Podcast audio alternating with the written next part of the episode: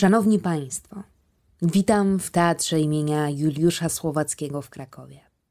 Bardzo proszę o wyłączenie telefonów komórkowych oraz. No i właśnie, i tak nie zabrzmie tak jak zapowiedź przed spektaklem, a co więcej, w ogóle nie o to mi chodzi. Ale od początku. Kilka miesięcy temu, y, w sumie więcej niż kilka miesięcy, bo był to chyba grudzień 2020 roku, pewnego wieczoru spotkałam się z moim przyjacielem. Co warto dodać, y, był to jeden z tych okresów tak zwanej, mm, oczywiście przeze mnie, głębokiej rozpaczy, który spowodowany był kolejnym zamknięciem instytucji kultury. I tak naprawdę głowę miałam wtedy zajętą szukaniem sposobów na jakiekolwiek alternatywne działanie tutaj w pracy.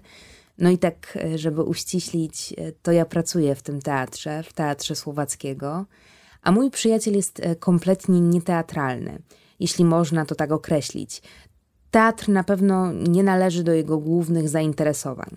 Oczywiście jest na tyle wspaniałym przyjacielem, że zawsze chodzi na spektakle, przy których pracuje, a przy okazji nie ma żadnego problemu, żeby powiedzieć mi, że nie jest to jego klimat i wspomnieć o rzeczach, które podobały mu się mniej lub bardziej.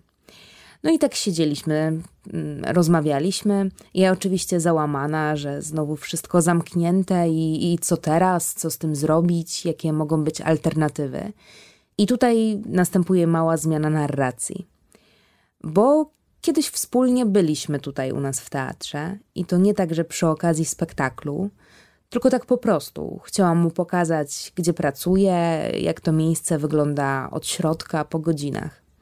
Jak się okazało, ta wycieczka kosztowała go trochę stresu. Przyznał mi się do tego później. E, I też do tego, że to chyba kwestia tego budynku, tego wielkiego Słowaka, czerwonych kotar, złoceń, sceny, aktorów, spektakli i w ogóle całej tej otoczki, tego wszystkiego, co się z tym wiąże. I tutaj miałam zgrzyt, bo oczywiście nie o taki efekt mi chodziło, to po pierwsze, a wręcz odwrotny, a po drugie, ja to miejsce odczuwam kompletnie inaczej. I uznałam, że chyba warto byłoby trochę tych kotar zerwać i pokazać co za nimi jest. No i właśnie wtedy powstał ten pomysł.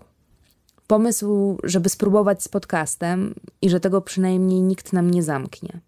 I oczywiście nie takim, żeby rozmawiać natchnionym tonem o tych sprawach poważnych, chociaż pewnie czasami będzie trzeba, ale żeby poruszać takie tematy bardziej od środka, spod sceny, z kuluarów, z takim większym luzem.